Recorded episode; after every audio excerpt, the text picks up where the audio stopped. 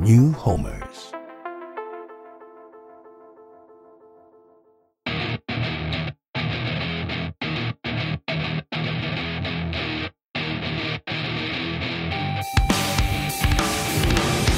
Cześć, mówią na mnie biały. Od kilkudziesięciu lat zajmuję się ochroną artystów. Efekt? Pomyśl o naprawdę dużym koncercie w Polsce ostatnich 20 lat, a jest duża szansa, że maczają w tym swoje palce. Tym podcaście spróbuję opowiedzieć Wam swoją historię, w której nie zabraknie buntu, miłości i podążania za marzeniami. Najważniejsza jednak jest muzyka, bo to ona kieruje moim życiem. Posłuchajcie. Odcinek szósty. Ciąg dalszy nastąpi? Albo wielki finał. Zobaczymy. Tak jak Wam wspomniałem, e, druga połowa 2006 roku e, zapowiadała się fascynująco. Zaczęła się od e, naprawdę dużej rzeczy, e, bo zaczęła się od pierwszego w Polsce e, koncertu Red Hot Chili Peppers na Stadionie Śląskim. No to, to było coś, powiem Wam, że ja co prawda już byłem bogatszy o doświadczenia e, z, i z Metaliki wcześniej i e, z Genesis, e, więc jakby nie, nie przerażało mnie, nie przerażał mnie ogrom produkcyjny tej imprezy. Zabawne było to, że mm, najwięcej uwagi poświęcono barbecue na 4 lipca, ponieważ koncert chyba był 5 albo 6, ale, ale bardzo ważnym punktem produkcyjnym było przygotowanie do barbecue dla ekipy na 4 lipca, żeby uczcić Dzień Niepodległości Stanów Zjednoczonych. Więc była bardzo fajna impreza z typowym e, smażeniem na grillu kukurydzy i takich e, różnych rzeczy. Więc to, to było e, fajne, ale jeszcze fajniejsze było pytanie, które, e, które mi zadano pod tytułem, czy e, ewentualnie chciałbym pojechać do Moskwy, pomóc przy organizacji koncertu Madonny. Cóż można odpowiedzieć na takie pytanie? E, można być kompletnym idiotą i powiedzieć, nie jestem zainteresowany. Można powiedzieć, że pewnie pojadę nawet za darmo. no bo to jest e, szansa jedna na, nie wiem, na milion dla kogoś takiego, jak ja w tamtym czasie. Teraz już jestem chyba e, bardziej zmanierowany i, i pewnie dłużej bym się zastanawiał. Żartuję oczywiście, teraz wszystko jest kwestią pieniędzy, więc e, mogę jechać, chociaż teraz do Moskwy to się nie jeździ za bardzo. Ale wracając do, do historii. Po tym pytaniu zapadła cisza. E, to był sezon letni, więc e, gdzieś jakieś tam drobne koncerty się, e, drobne koncerty się organizowały. Natomiast nie na tyle, żeby, żeby móc z tego jakoś sensownie żyć. Na szczęście cały czas współpracowałem z firmą ochraniającą delegacje izraelskie, więc cały czas gdzieś miałem okazję się szkolić, doszkalać, e, nabierać doświadczenia, próbować to przenosić na e, imprezy. Szczerze mówiąc, czasami powodowało to mm, bardzo duże frustracje u mnie, bo no bo rzeczy, które ja przejmowałem od Izraelczyków i chciałem na przykład e, przekazać dalej na, na, na rynek imprez, no, spotykały się często z jakby z oporem czynnika ludzkiego i, i jakby z totalną niechęcią. Mm, może po prostu byłem zbyt wymagający, może byłem, chociaż do dzisiaj mam tak, że jestem chyba zbyt idealistyczny, jeżeli chodzi o swój zawód. Bo chciałbym, żeby się mm, wszyscy przejmowali swoją pracą tak, jak ja się przejmuję, a to jest oczywiście totalnie niemożliwe. To był też rok e, tak naprawdę takich większych imprez, gdzie przekonałem się, że największym koszmarem dla mnie przynajmniej osobiście e, zawsze był sektor VIP-owski. E, ludzie, którzy albo płacili więcej za bilety, albo dostawali te bilety w prezentach.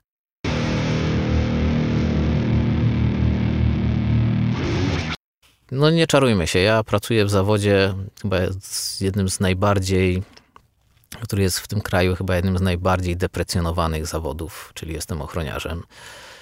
I jakby zyskanie e, szacunku ludzi, którzy, którzy gdzieś tam e, wychodzą z założenia, że no, ja jestem po to, żeby im usługiwać, czy ja jestem po to, żeby spełniać ich e, zachcianki, tudzież ja jestem po to, żeby mi powiedzieli, że ja nic nie mogę, a tak naprawdę jak ich zdenerwuję, to jutro już tu nie będę pracował, więc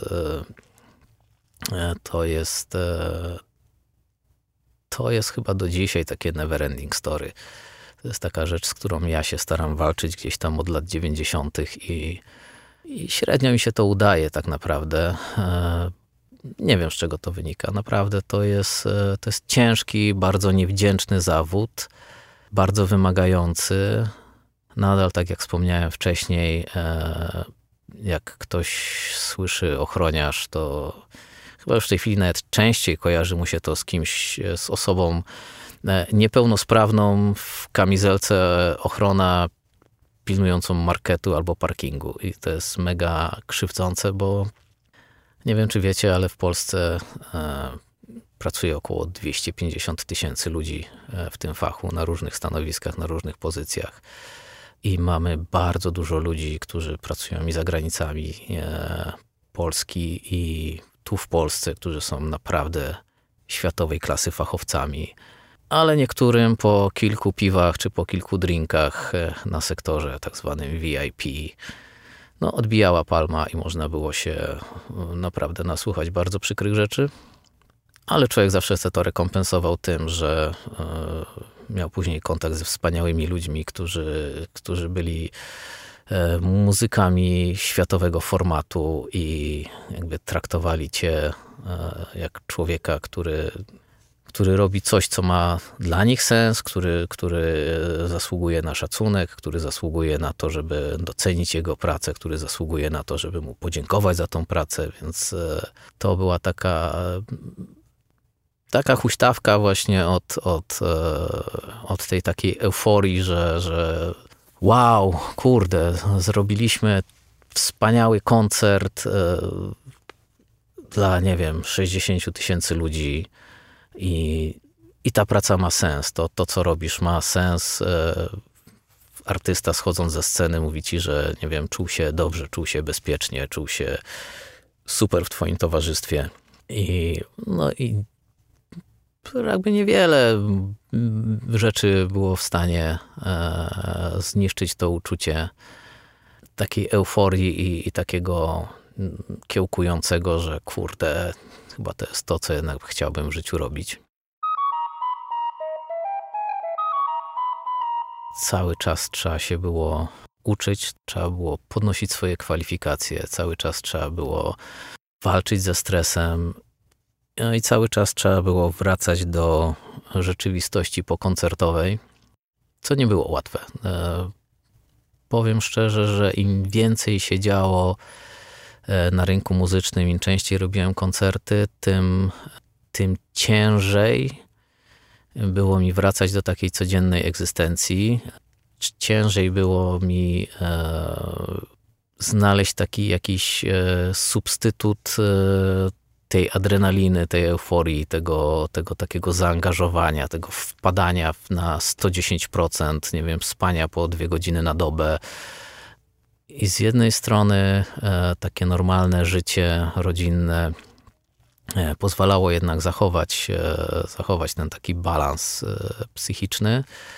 A z drugiej strony człowiek gdzieś tam wewnętrznie się wypalał czekając na następny koncert, czekając na następne jakieś właśnie atrakcje, na jakieś e, spotkanie. I tak czekając, e, chyba przez miesiąc była, była cisza.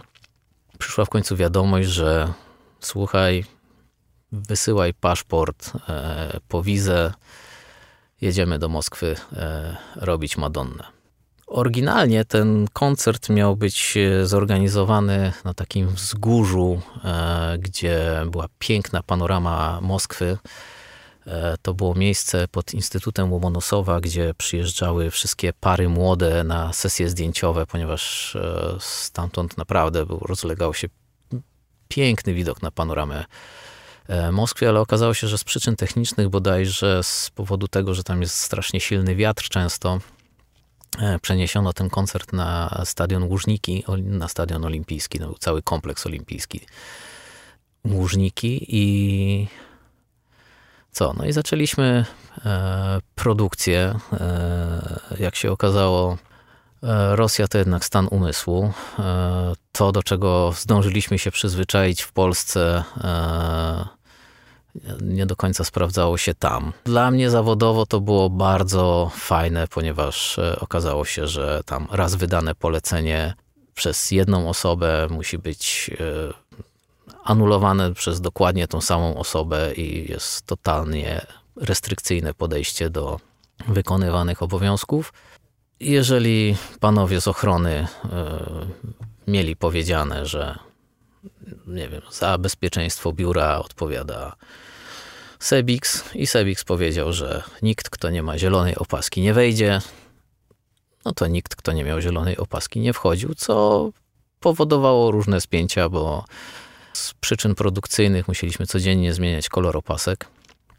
Niektórzy te opaski e, zapominali, ponieważ dostawali je wieczór wcześniej, więc zapominali sobie tych opasek.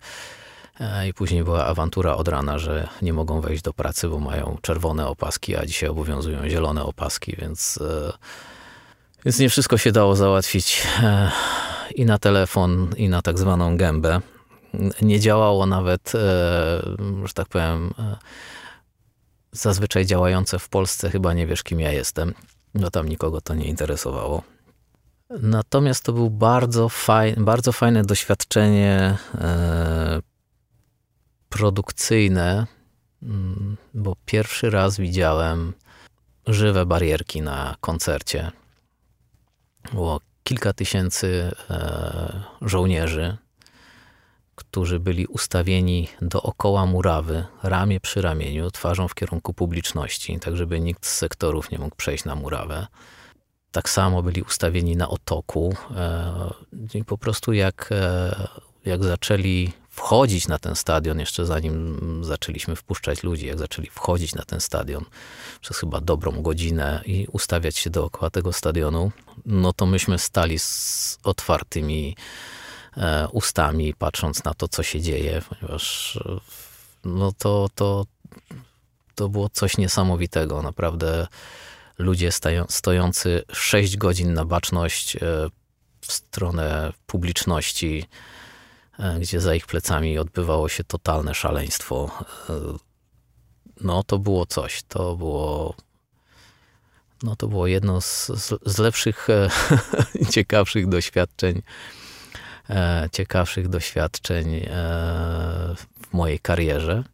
Z Madonną jeździliśmy też jako wsparcie, takie wsparcie produkcyjne mm, na trasie koncertowej po Bałkanach więc e, mogliśmy też troszeczkę pozwiedzać, e, co jest e, czasami plusem mojej pracy. Natomiast powiem Wam szczerze, że takim życiu na trasie, jeżeli nie ma tak zwanych day-offów, tylko jest przyjazd, koncert, wyjazd, następna destynacja, hotel i ten, człowiek nie ma ani czasu, ani siły, e, żeby cokolwiek e, zwiedzić, żeby cokolwiek e, zobaczyć. No, niby świadomość tego, że jest się, nie wiem, blisko artysty, blisko tego wszystkiego, co jest, co jest nieosiągalne. Rekompensuje to, ale no ale właśnie, wracasz z takiego koncertu, wracasz z trasy, no i słyszysz e, z różnych stron, że kurde, fajnie, na pewno zwiedziłeś to, na pewno zwiedziłeś tamto i teraz e, no, wytłumacz ludziom, że tak naprawdę nic nie widziałeś i masz ochotę przez tydzień nie wychodzić z domu, tak jesteś zmęczony.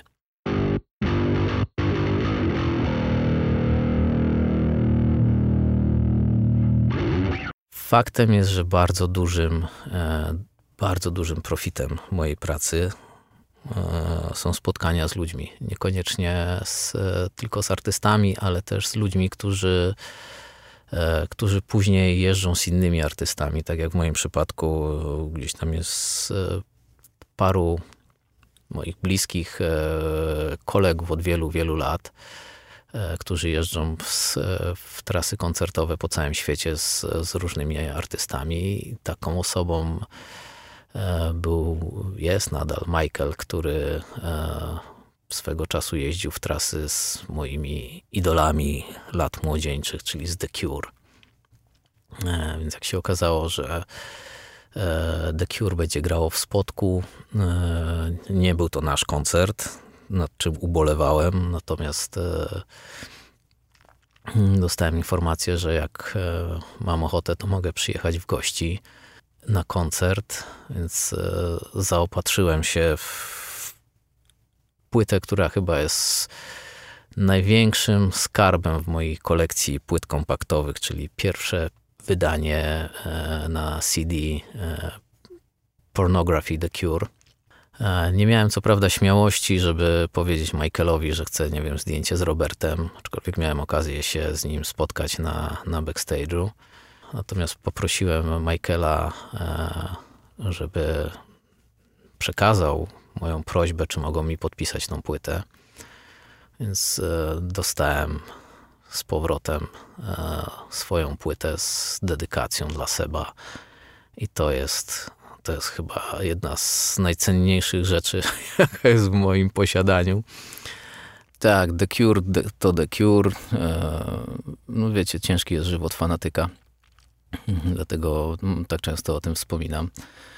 Ale w sumie jakby nie psychofani, to sam nie miałbym co robić, e, bo to duża część mojej pracy. Wracając do naszej e, ulubionej Madonny, Koncert w Moskwie był e, dużym sukcesem, e, produkcyjnym też. Mieliśmy o dziwo e, czas i, i okazję, jak się okazało, na chwilę obecną chyba jedyną w życiu, zwiedzić kawałek Moskwy, słynny Plac Czerwony i, i tym podobne, podobne atrakcje. No cóż, wszystko co dobre bardzo szybko się kończy. Trzeba było wrócić do domu, trzeba było wrócić do, do szarej rzeczywistości, e, przeplatanej koncertami, przeplatanej e, wyjazdami.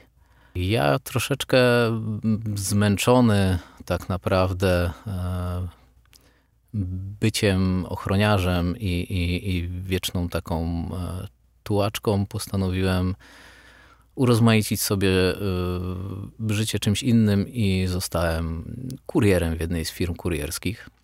I powiem wam szczerze, że przez dwa lata to był strzał w dziesiątkę. Znaczy nie, że przez dwa latka y, nie robiłem nic, natomiast jeżeli chodzi o pracę na koncertach.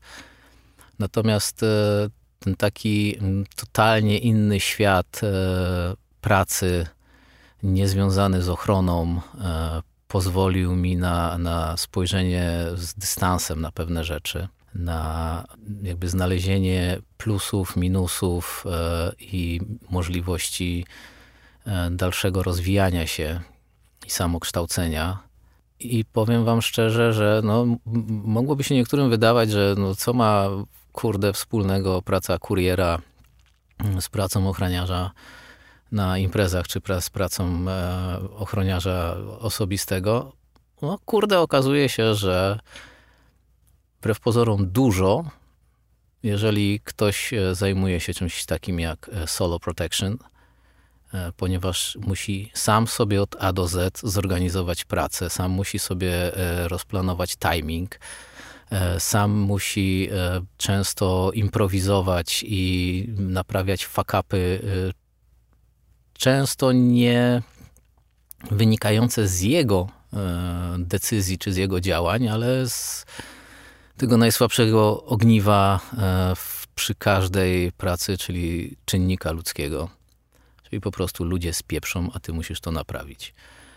Więc e, jeździłem sobie wielkim dostawczym autem, sam ze sobą, mnóstwo czasu dla siebie, mnóstwo kombinacji, jak zdążyć, jak to rozplanować, gdzie jechać, żeby się nie wracać, żeby nie krążyć. I to później gdzieś procentowało na, na, na koncertach, kiedy trzeba było sobie ułożyć pracę e, tak, żeby pracować mądrze, niekoniecznie ciężko. Także pamiętajcie, że jakąkolwiek ścieżkę kariery nie, obej- nie, nie obejmiecie, to e, warto czasami przenieść się zawodowo w zupełnie inny, e, inny wymiar, inne, inne realia i wyciągnąć z tego rzeczy, które są wam potrzebne w tym, co, co, co tak naprawdę chcecie robić, bo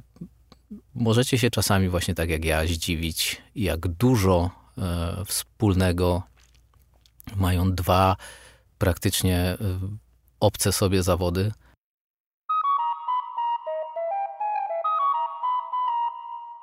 Tysiące siódmy rok to był rok tak naprawdę stadionów. Znaczy jednego stadionu. Był jeszcze Stadion Śląski przed remontem. Mm, zapowiadały się trzy naprawdę e, wielkie koncerty, mm, jeżeli dobrze pamiętam. To było Genesis, to był Pearl Jam z Linkin Park i to był chyba też rok, gdzie mm, było Red Hot Chili Peppers po raz kolejny albo The Police. Jak e, powiem wam szczerze, że czasami troszeczkę się gubię ale e, w takiej małej tajemnicy wam e, przypomnę, że chronologicznie, szczegółowo i tak bardzo dokładnie e, to wszystko znajdziecie w książce, która jeżeli dobrze się postaramy, to w tym roku jesienią będzie miała swoją premierę.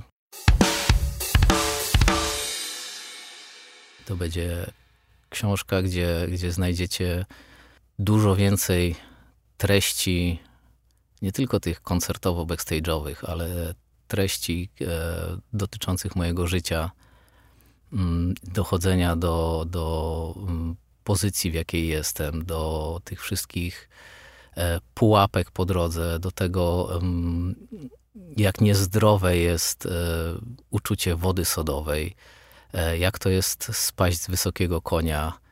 Mnóstwo, mnóstwo takich rzeczy mm, dla moich kolegów i przyjaciół z branży mm, też będzie troszeczkę, bo ja musiałem się uczyć tak naprawdę wszystkiego, co e, wszystkiego, co jest, co jest potrzebne mi w pracy, łącznie z tym, co ze sobą powinienem mieć, e, nie wiem, idąc, jadąc na koncert, jadąc na trasę, jadąc na festiwal i co tak naprawdę się może przydać. I na przykład po co dorosłemu facetowi e, tampon w kosmetyczce.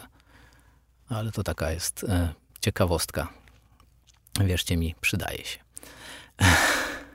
Nie tylko do ratowania kobiet w potrzebie. Wracając do koncertów, zaczęło być tego coraz więcej.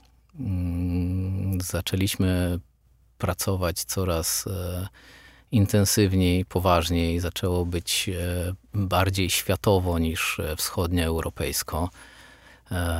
Nabieraliśmy coraz więcej doświadczenia. Mm, spotykaliśmy coraz częściej tych samych ludzi, którzy. I, I wiecie, to było coś pięknego, że przyjeżdżali ludzie, z którymi się pracowało wcześniej rok, dwa lata przy jakiejś imprezie i ci ludzie przyjeżdżali mówili, kurde, fajnie, że jesteś, bo to oznacza, że będziemy mieli e, spokojną robotę, że wszystko będzie poukładane. Ten moment, kiedy, e, kiedy ktoś e, naprawdę docenia to, co robicie, to jest, to jest bezcenny moment. To też był rok i zaczęły się te lata, kiedy zaczęto otwierać coraz to nowe hale widowiskowe w Polsce. Atlas Arenę w Łodzi, Ergo Arenę w Teraz nie wiem, komu się narażę, bo Ergo Arena stoi na granicy Gdańska i Sopotu i ja nigdy nie wiem, czy jestem w Sopocie, czy jestem w Gdańsku, a wiem, że to jest takie, no nie jest tak zapalne jak Gdańsk-Gdynia, natomiast no nie chciałbym się e, nikomu narazić. Ponieważ mam wielu przyjaciół i w Gdańsku, i, i w różnych tych, więc powiem, że Ergo Arena na granicy Gdańska i Sopotu. Niech se każdy dopowie, gdzie se chce ją umiejscowić. To też e, było powoli e, końcówka przedremontowa nieodżałowanej sali kongresowej, która przez lata, lata e, teraz jest remontowana. Może kiedyś ten remont się skończy. To był też moment schyłkowego stadionu śląskiego, zawsze zwanego Narodowym, na którym bardzo dużo się działo, bardzo dużo pierwszych dużych rzeczy się działo. To były też e, momenty, kiedy e, zaczęto robić, zaczęliśmy robić e, z moją ówczesną firmą, z którą współpracowałem, rzeczy naprawdę wielkie na lotnisku Bemowie. Tak? W Polsce festiwal Sony Sphere, pierwszy raz w Polsce z wielką czwórką, czyli Metallica, Anthrax, Slayer i Megadeth bodajże. To był pierwszy w Polsce dość kontrowersyjnie na początku przyjęty e, koncert Madonny e, na trasie e, Sticky and Sweet Tour. Dlaczego był kontrowersyjny? Dlatego, że koncert miał miejsce 15 sierpnia, więc jest to dla jednych Dzień Wojska Polskiego, dla innych to jest rocznica E, cudu nad Wisłą, e, w niebo wstąpienia e, kogoś tam, nie obrażając niczyich uczuć religijnych, więc kontrowersji wokół tego koncertu było bardzo dużo. Przypomnę tylko, że kolejny koncert Madonny, który się odbył na Stadionie Narodowym parę lat później, był równie kontrowersyjny, bo, bo się odbył 1 sierpnia, czyli w rocznicę wybuchu Powstania Warszawskiego, które notabene zostało e, przez produkcję uczczone pięknym filmem e, wyświetlonym na telebimach. E, więc jak widzicie, czasami szukanie dziury w całym niczemu nie służy tak naprawdę. Znaczy służy darmowej reklamie zazwyczaj, więc ale nie ukrywam, że, że mm, tak zwane dealowanie z fanatykami, nie tylko z psychofanami, ale z fanatykami religijnymi, to też jest. E, mnie się to w pracy zdarzyło dwukrotnie e, i jest to ciężki, ciężki motyw do ogarnięcia tak naprawdę, bo e, wiecie, no, reprezentujecie klienta. Nie możecie tak naprawdę zareagować tak, jakbyście chcieli, tak jak wam instynkt podpowiada. Musicie być e, kulturalni, delikatni, e, stanowczy w stosunku do ludzi, którzy, którzy czasami, wierzcie mi, rozszarpaliby was gołymi rękami. Tylko dlatego, że nie zgadzacie się z ich poglądami, z ich wyznaniem, z ich religią. Także trzymajmy się e, od tego z daleka, bądźmy tolerancyjni, bądźmy ludźmi otwartymi na na różnorodność. Bądźmy ludźmi, którzy nie powiem, bądźmy tolerancyjni w stu procentach, ponieważ no, nie możemy tolerować rzeczy złych, nie możemy tolerować e, rzeczy krzywdzących innych, więc e, tolerancja zdroworozsądkowa tak.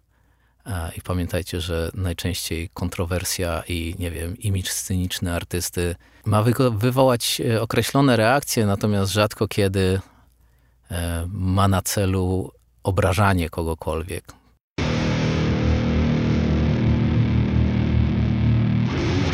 To też jest taki, wiecie, to jest coś, z czym ja się często spotykam w pracy, mm, jeżeli chodzi o fanów, artystów. To to, że znaczy też ciężko tych ludzi mm, winić za to, natomiast e, odbiór artysty poprzez jego wizerunek sceniczny i, i jakby krytykowanie go, czy wyrabianie sobie opinii e, o artyście na, na podstawie jego wizerunku scenicznego, e, wiecie mi, wierzcie mi, to jest droga donikąd. To ja znam wielu cudownych, ciepłych, wspaniałych ludzi, którzy są oddanymi przyjaciółmi, którzy są naprawdę osobami, które dbają o innych, o, o nie mówię już nawet o ludziach, którzy dla nich pracują, tylko, tylko oni sami z siebie są tak dobrymi ludźmi, a ich wizerunek sceniczny jest po prostu no, albo jakiś totalnie szatański, albo, e, albo totalnie pokręcony i, i, i ja wiem, do czego to można porównać. E, ja to zawsze porównuję do tego, że mm, słuchajcie, e, każdy z nas jakoś sobie radzi ze stresem, z agresją, z e, nagromadzoną frustracją i można sobie radzić na różne sposoby, tak? Ja sobie radzę uprawiając sztuki walki i jakby też ktoś mógłby powiedzieć, że kurde, jesteś brutalny, agresywny i, e, i wyglądasz jak rasowy Sebix, tak, bo jesteś łysy, wytatuowany i na pewno jesteś bandytą, na pewno jesteś e, złym człowiekiem. Natomiast tak jak wcześniej powiedziałem, moja praca nie wyklucza przemocy, natomiast wyklucza agresję, tak? I ja z tą agresją radzę sobie poprzez sport, e, co polecam każdemu.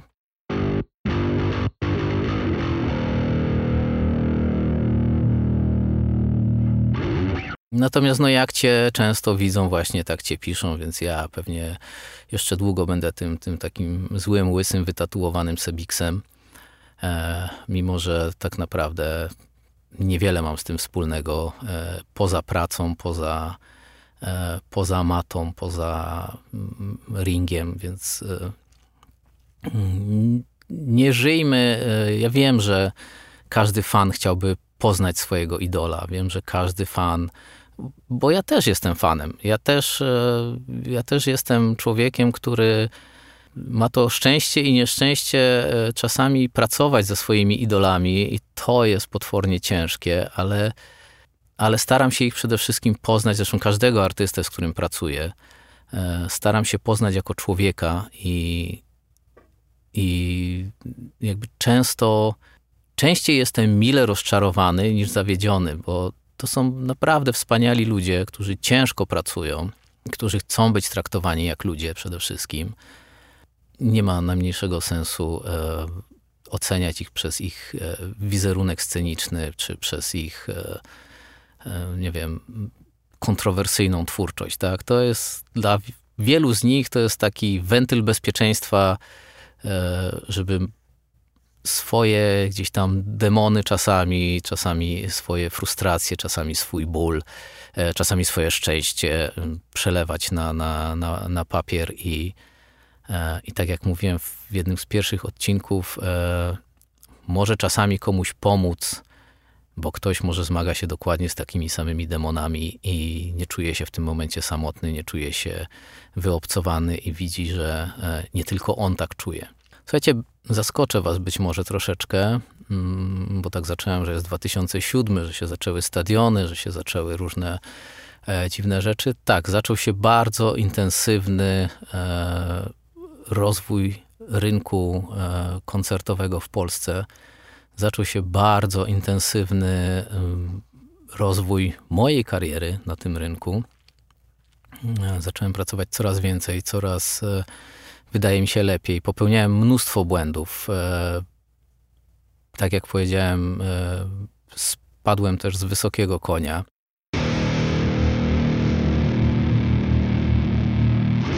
Z własnej winy, tak naprawdę, bo mówiłem wam, że woda sodowa nie jest dobra.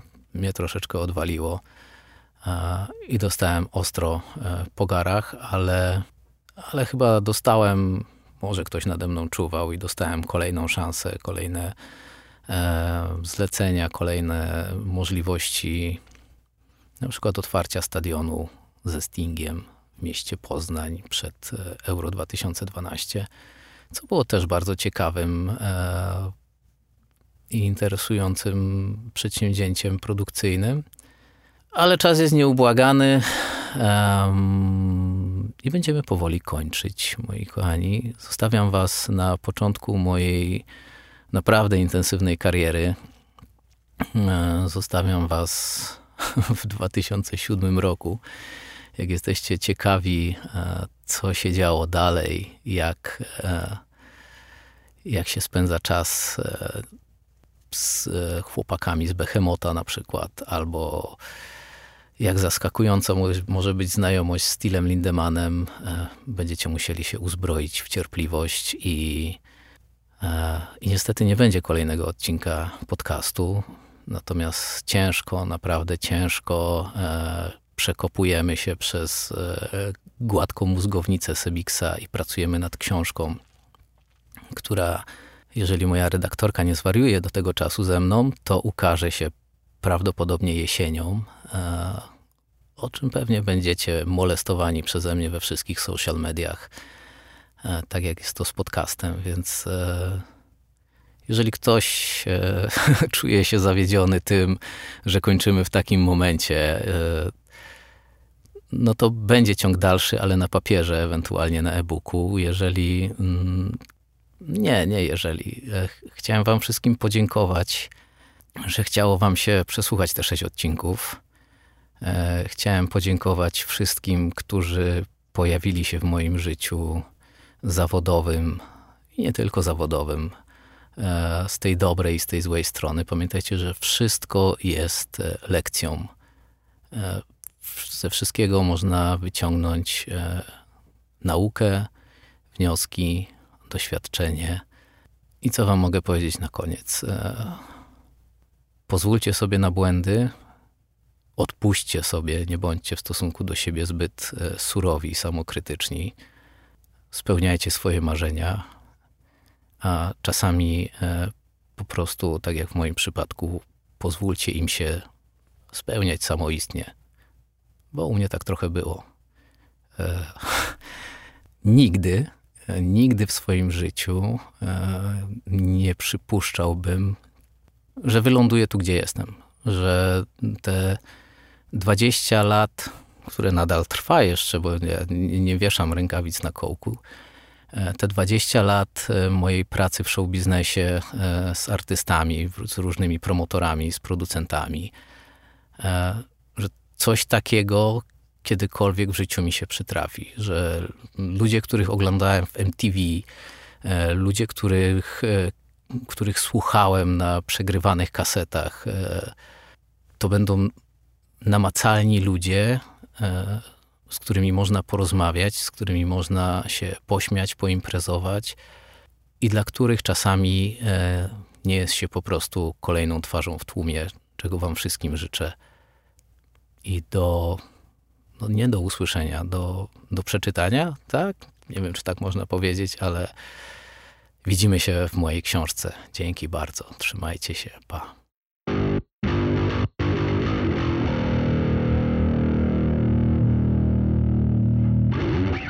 Dzięki za wysłuchanie kolejnego odcinka mojej opowieści.